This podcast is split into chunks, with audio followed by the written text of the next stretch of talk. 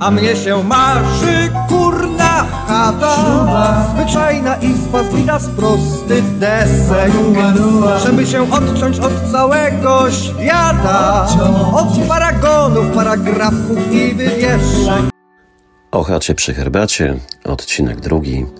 Czy grozi nam krach na rynku nieruchomości? Ja nazywam się Tomasz Święch i jestem licencjonowanym brokerem obrotu nieruchomościami w stanie Illinois. Zapraszam serdecznie. Odkąd sięgam pamięcią, grupy tak zwanych samozwańczych chiromantów snują swoje przypuszczenia dotyczące przyszłości rynku nieruchomości w Stanach Zjednoczonych i dzieje się tak praktycznie co roku.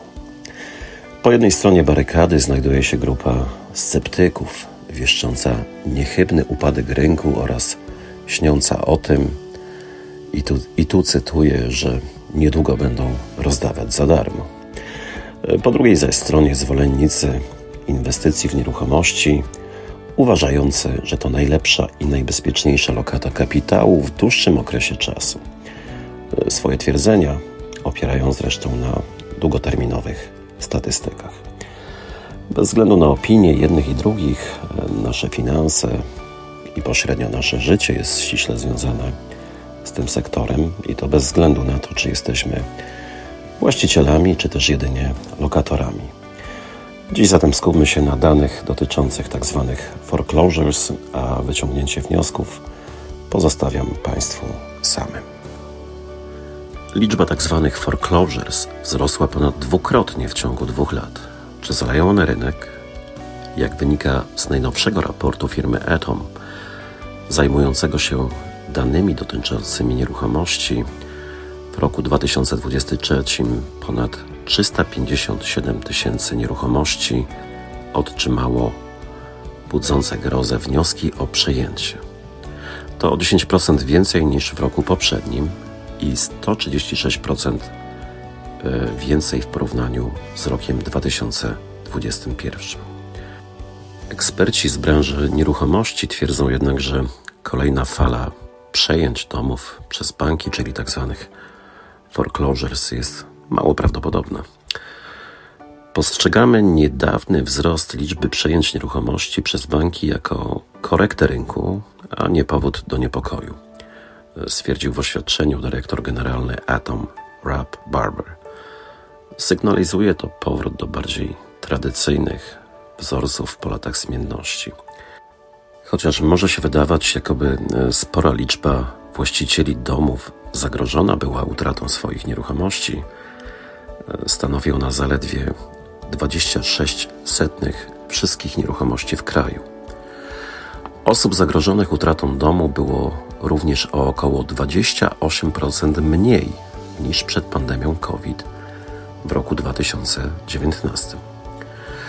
Zanim ktokolwiek wpadnie w panikę, wzrost liczby wniosków o foreclosure w ciągu ostatnich dwóch lat był częściowo spowodowany moratorium e, wprowadzonym podczas pandemii.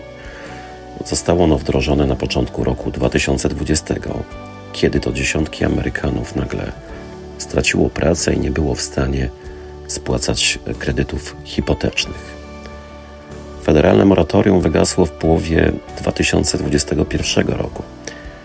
Wiele stanów rozszerzyło ograniczenia, dlatego w tym roku było tak niewiele przejęć nieruchomości. O wiele mniej właścicieli domów otrzymało wnioski o przejęcie nieruchomości niż podczas wielkiej recesji.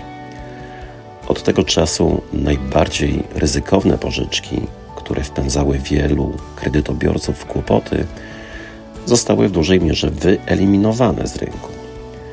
Kredytodawcy zaostrzyli swoje kryteria tak, aby tylko najlepiej kwalifikujący się kredytobiorcy otrzymywali kredyty hipoteczne. Od początku roku 2010 jest więcej kupujących niż sprzedających.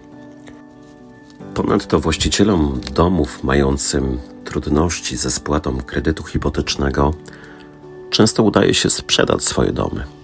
Wielu z nich nawet czerpie zyski z tej sprzedaży. W zeszłym roku złożono o około 88% mniej wniosków o przejęcie nieruchomości przez banki niż w szczytowym okresie e, w roku 2010.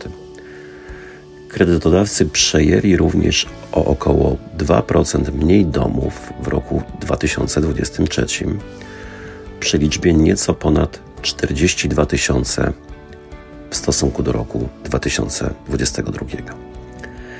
Tak więc, chociaż aktywność w zakresie przejęć nieruchomości przez banki może się zmieniać, jest mało prawdopodobne, że zbliży się ona do najwyższych poziomów obserwowanych w latach 2007-2010.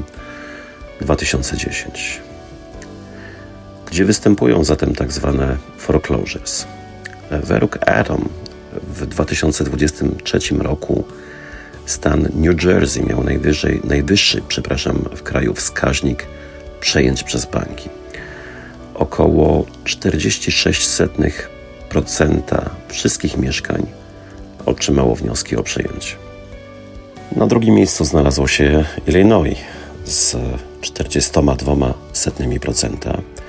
Dalej Delaware 41%, Maryland 40%, Ohio 38%.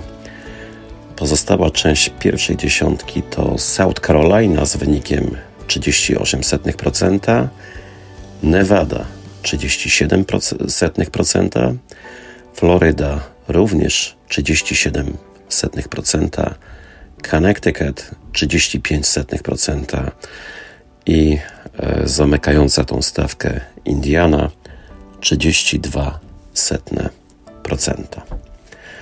W roku 2023 to Cleveland odnotowało najwyższy wskaźnik przejęć domów ze wszystkich największych obszarów dużych miast, gdzie liczba mieszkańców wynosi minimum 200 tysięcy ludności. Około 62% domów zostało przejętych przez banki. Czy to dużo, czy mało? Wnioski pozostawiam Państwu. To wszystko na dziś wraz z wydłużającym się dniem i coraz, miejmy nadzieję, cieplejszymi promieniami słońca.